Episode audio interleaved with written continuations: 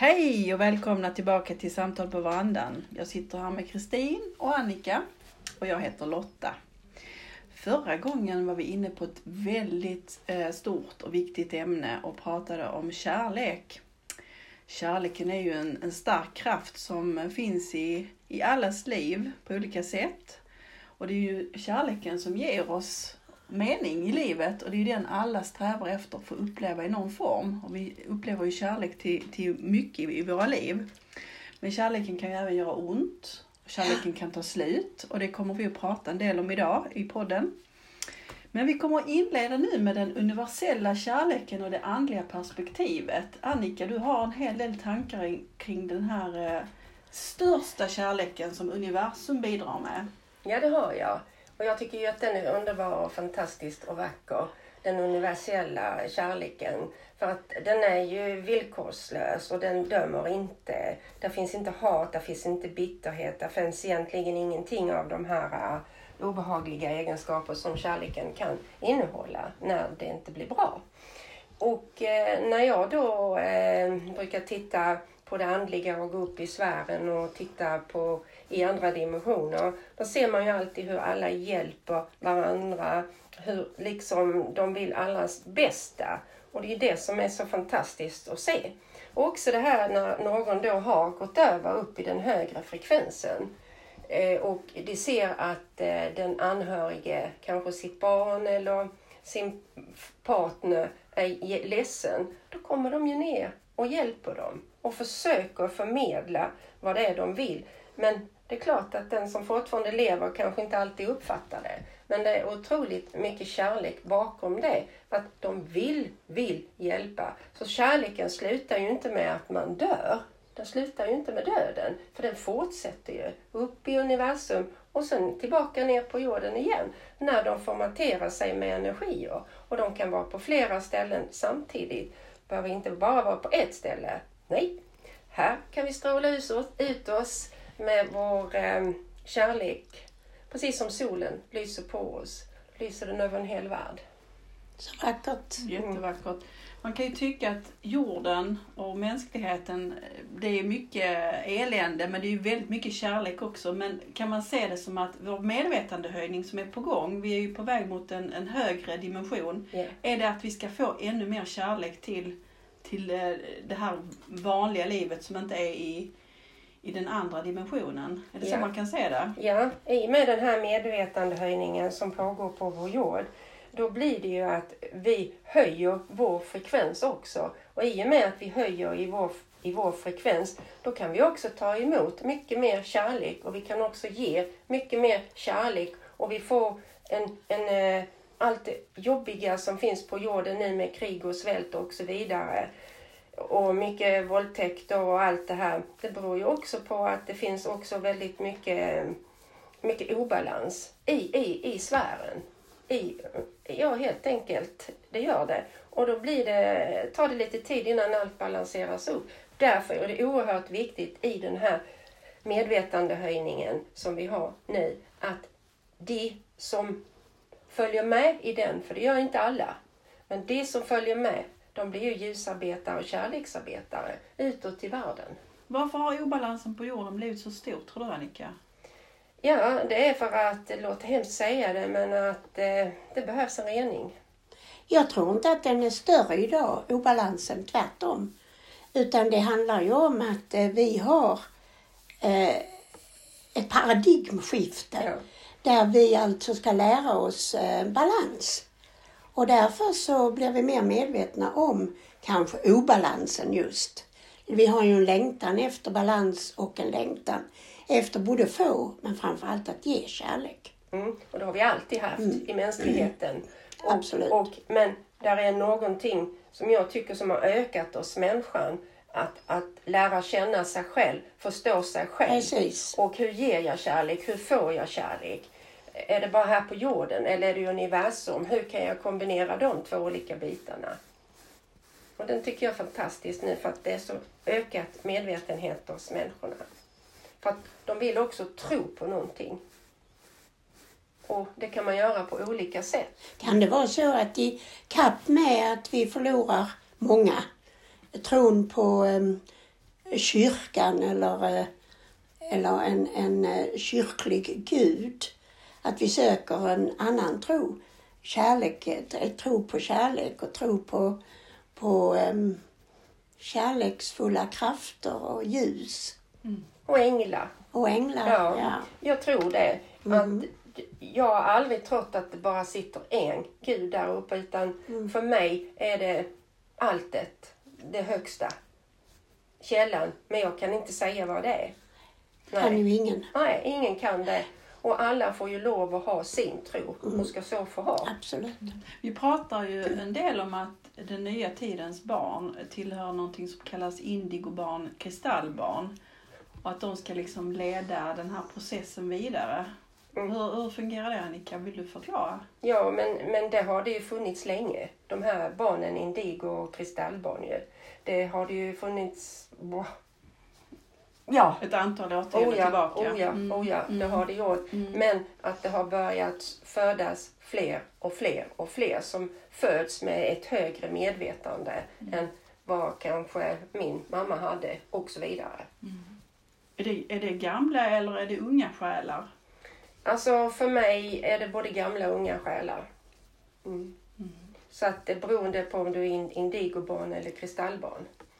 Kristallbarn är väl oftast de som föds som nya själar och indigobarn är ju de som faktiskt ibland föds ner där det kan vara väldigt besvärligt och väldigt jobbigt men de vet ju någonstans att de kommer att klara detta. För de har ju det här medvetande. Det kan vara ADHD, det kan födas utvecklingsstörda. Ja, men på något sätt så är det bestämt att så ska det vara.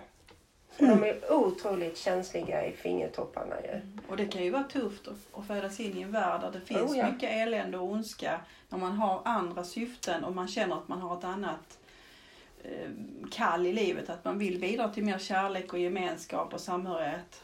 Mm. Och har den här extrema känsligheten. Men de har ju ett driv också inom sig. Att de Ja, för att det är ju de inte- kan, att de kan på sitt sätt så förbättrar de ju världen. De rycker på normer och regler. Så att samhället eh, blir ju, eh, får liksom följa efter till slut.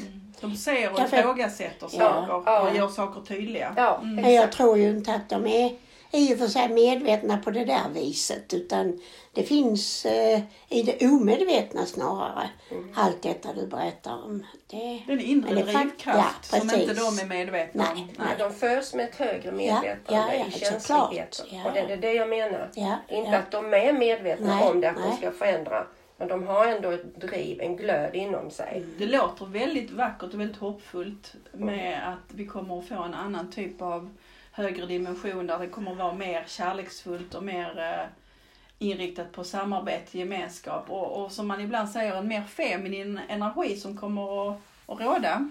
Ja, det är den kvinnliga. Den Kvinnliga läkande, energin. kärleksfulla. Kärleksfull energi. Men även männen, att, även att männen också blir mer känsligare, blir mer kärleksfulla. Det är ju inte bara vi kvinnor, det är Nej, männen, nej. det är ju djuren, det är ju ja, allt det. ja, ja, Mm. precis. Som kommer att- att påverkas utav av eh, kärlek och hur vi ser på vår natur, hur vi ser ja, på medmänniskan. Mm. Okej, och sen det här med kärlek då. Ja. Det, det är ju inte helt enkelt det här med kärlek och förmågan att älska och Nej. att eh, värna om andra människor och, och så. Utan det, det byggs ju upp i vår barndom beroende Mm. på vad vi får för uppväxt och hur, hur våra föräldrar har varit förebilder när det gäller att knyta an och att älska. Kristin, du kan en hel del om det. Ja, det vet jag inte men eh, jag har ju min egen lilla teori i alla fall och det är att vi lär oss vad kärlek är av de vuxna när vi är barn. Och antingen det är våra föräldrar eller andra vårdnadshavare. Vi lär oss både mm, dålig kärlek och eh, bra kärlek. Helt beroende på alltså hur de vuxna omkring oss har det. Och det, det, det, det, det tror jag är väldigt viktigt att ta fasta på. Någon som har svårt med det här med kärlek får väl ändå lov att titta tillbaka lite och se vad lärde jag mig? Vad lärde jag mig? Och hur kan jag förändra detta?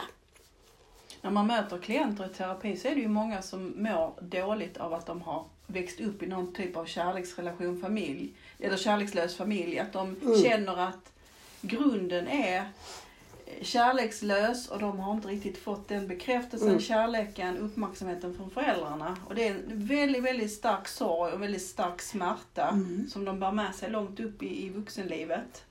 Och för att sen kunna ge kärlek så måste du ju någonstans eh, ha fått kärlek som barn. Så att, eh, men eh, vi lär oss av våra föräldrars text, vi lär oss våra föräldrars texter utan till på något vis. Och sen har vi dem som vuxna. Och eh, de är så väl inpräntade i oss så att vi har glömt bort vad vårt eh, innersta egentligen formulerade från början. Är det inte det? Och, och då, då menar jag att då, då, då är det fara på färde för att eh, då går vi ut kanske i en relation och vill ha kärlek. För vi Och har glöm- brist på kärlek Ja. så vi vill Ja. kompensera någonting Ja. som vi inte har fått. Ja, då vill vi ha kärlek och ehm, glömmer att vi kan bara få kärlek genom att först ge kärlek Mm. som vuxen. Men, men jag vet också, man har haft eh, kunder som har varit hos mig och så skulle de absolut inte bli som sin mamma. Mm. Men så upptäcker de att herregud vad lik jag är min mamma. Jag gör ju det, jag säger ju det. Jag, jag liknar ju henne i mycket. Hur har det kunnat blivit så? Jag som inte alls ville vara som henne. Nej men det är ju precis som jag sa innan. Alltså hur vi tar ehm, efter våra föräldrar och vi köper deras koncept. Och kanske. Men ändå så ville de ju inte. De ville ju inte, de försökte ju undvika det hela Det, tiden. det präntas in i oss som någon slags, eh, vi är någon slags små datorer. Så det präntas in och sen så em, fungerar det så ända till jag själv kommer underfund med att oj vad jag är lik min mamma till exempel. Och det vill jag inte. men vad kan personen göra då? Ja, då får jag välja om. Det är alltid val. Man kan välja. I alla lägen så kan vi det. Och att Så bli då- medveten Ja, visst. Våga titta på det, våga se att Men det de, blir man ju då. ja, de Ja. här mönsterna är jag inne i Ja. men jag mår inte bra av Nej. det. Och då kan jag välja. Då brukar jag fråga mina klienter. Det låter eh, för mig som om du inte vill fortsätta med detta. Är det så? Ja, nej det vill jag verkligen inte. Så vad vill du då? Och då kan det komma, ja jag vill, jag vill göra si eller jag vill tänka så. Och då har man tagit ett nytt val. Och det valet kan då göra att de Ja, då väljer man- hittar sig själv och vi med, ja. Ja, man väljer att inte likna mamma på det och det området. Eller pappa på det och det området. Jag kan känna också att det handlar en hel del om självkänsla. Att våga stå upp för den man är. Att våga faktiskt plocka fram vad, vad tycker jag, vad känner jag, vad vill jag? Och inte gå efter vad jag har blivit uppfostrad att göra eller lärd att göra. Att, att våga se vem, vad har jag för någonting som jag bär med mig. livets allra svåraste och slutliga uppgift. Att lära känna sig själv och sina egna behov och sina egna drömmar och lustar. Men- Det är ingenting som man bara kan säga så här, så nu ändrar jag på det. Det är långa processer och som man behöver hjälp med. Men jag vet, jag själv fick ju tidigt ta ansvar hemma. Jag blev ju nästan mamma till mina föräldrar. Och, och det var inte heller lätt. Nej. För vem var jag i detta sen när jag själv blev mamma? Jag hade ju redan varit mamma en gång. Så ska jag vara mamma igen till mina barn. Jag älskar mina barn, inte det. Men jag tyckte det var en liten svår balansgång där också. Och ju äldre man blev också förstod man ju också att någonting var ju fel. Jag kan ju inte vara mamma till mina föräldrar. Det är de som ska vara föräldrar Precis. till mig ju.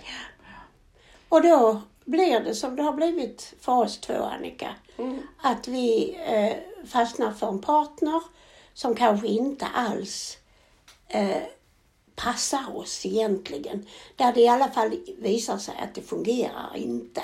Och då blir det skilsmässa, eller hur? Ja. Sen kan det ju vara så att man träffar en partner alldeles för tidigt. Man är, man är inte färdig med sig själv. Man vet inte vad man har för behov. Man vet inte vem man är.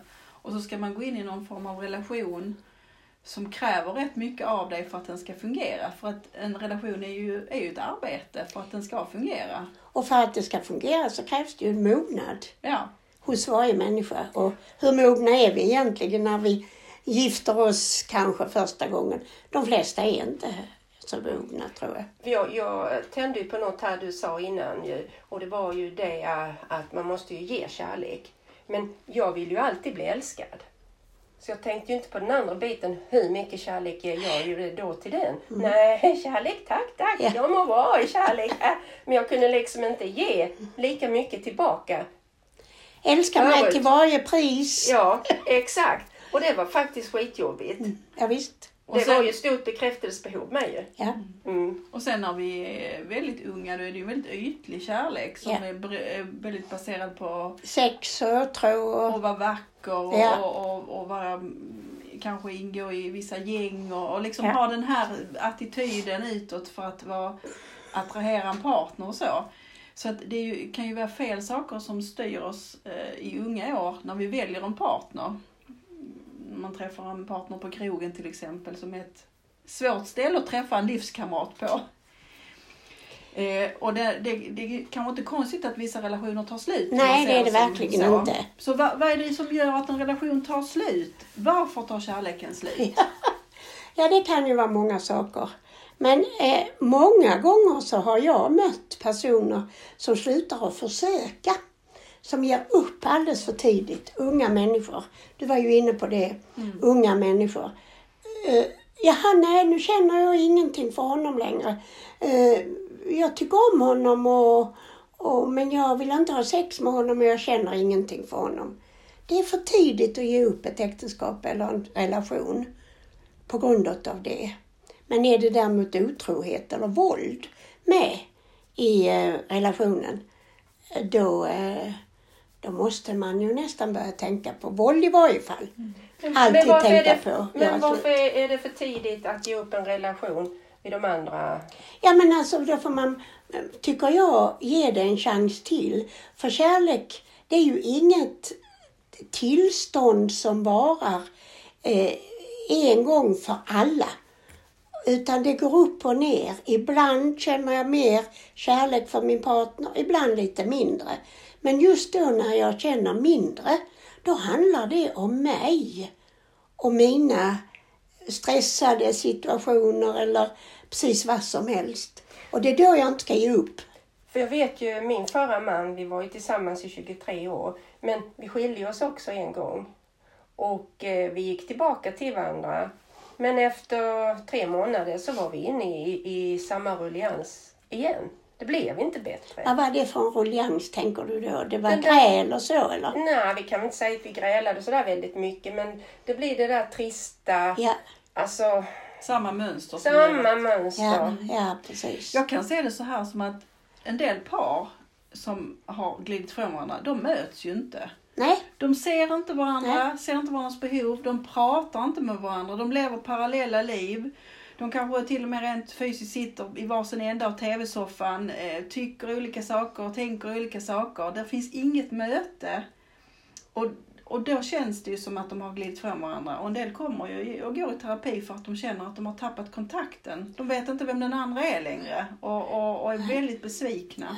Jag vet, min förra man och jag, vi kommunicerade ihjäl vårt äktenskap. Ni pratade för mycket. Ja, för han, han eh, kunde aldrig ta en konflikt och då blev det att det alltid skulle kommuniceras. Så till slut kände jag mig väldigt ensam i, i äktenskapet. Så jag kommer ihåg en alla helgona det var nog alla helgonafton. Då gick jag till Väsby kyrkogård och satte mig när det var mörkt. Nattsvart var det ute och alla de här vackra ljusen som var tända Ja. på kyrkogården och såg hur andarna steg upp från gravarna. Och jag kände mig så full av kärlek. För jag fick så otroligt mycket kärlek där på kyrkogården. Så när jag gick hem sen så sa jag till min man, så före detta man att nu har jag varit på kyrkogården och fått kärlek av andarna. Han bara tittade på mig. Han, tror inte, han trodde ju inte på sånt här och jag fortfarande inte. Precis som att nu är hon inte klok. Men det var en härlig känsla. Men vad fick det för konsekvenser för er relation? Skilde ni er då eller? Ja, till slut gjorde vi det. Ja, mm. För det gick ju inte. Det var en fin man så det var inte det. Men vi passade inte ihop. Nej. Ja, alltså det finns ju många andra anledningar till att en relation kan ta slut. En av de allra vanligaste tycker jag att jag har sett är respekten försvinner för varandra. Föraktet kommer fram, Ja, man, ja. man kritiserar, man anmärker på saker, man kanske till och med är rätt så elak mot den andra. Och det stammar, det här stammar ju ifrån mig själv. Det vill säga, jag respekterar inte mig själv. Jag eh, älskar kanske inte mig själv, det där uh, ordet. Jag värdesätter inte mig själv. Och då värdesätter jag heller inte min partner. Som du sa eh, Lotta, så börjar det med den egna självkänslan som behöver vara mogen och, och stark för att jag ska klara en, ett partnerskap.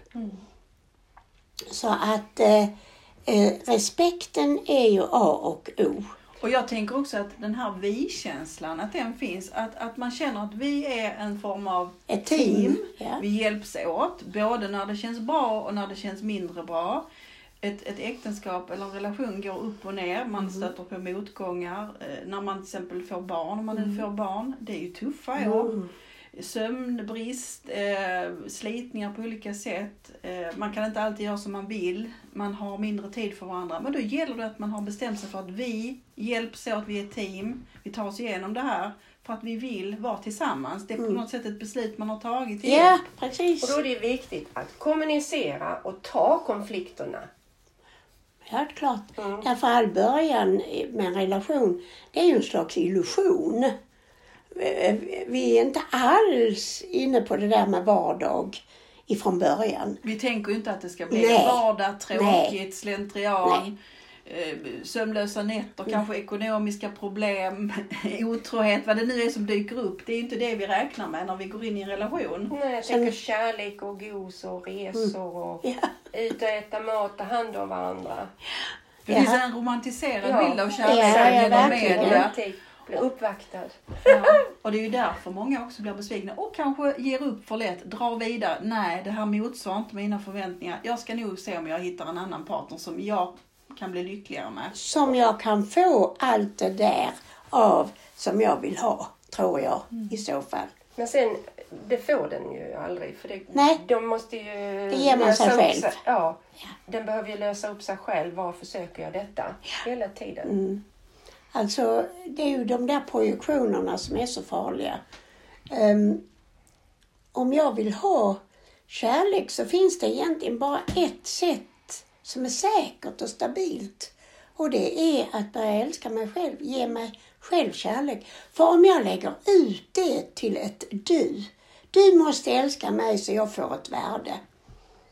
Då lever jag ju farligt. Tänk när han slutar, om han slutar och älskar mig, han, hon, eh, vad det nu är, hunden. Som ju alltid älskar mig. Och den eviga strävan som många har efter föräldrakärleken. Jag hade en klient sent idag som var väldigt, väldigt sorgsen över att hennes föräldrar sviker henne fortfarande som vuxen och avvisar henne och hon kan inte förlika sig med den här känslan. Hon är jätteledsen. Eh, för hon kämpar för att få deras respekt och deras bekräftelse gång på gång på gång och tycker att hon har ett sämre värde för att hon inte får den här eh, bekräftelsen. Och jag brukar då säga att det tåget är kört. Den kampen får hon lägga ner. Precis, det var det vi pratade om. Att Såklart. hon slog sig liksom blodig mot, mot den här, en, en slags vägg. De förstod inte Nej. hennes eh, önskningar, förstod Nej. inte hennes känslor. Hon är inne i en väldig utvecklingsprocess men de blir snarare hotade och känner sig skrämda av att hon håller på att förändras. Så att nu har det nästan blivit ett ännu större avstånd. Det är sorgligt. Eh, när jag utbildade mig till psykolog så blev mina föräldrar rädda.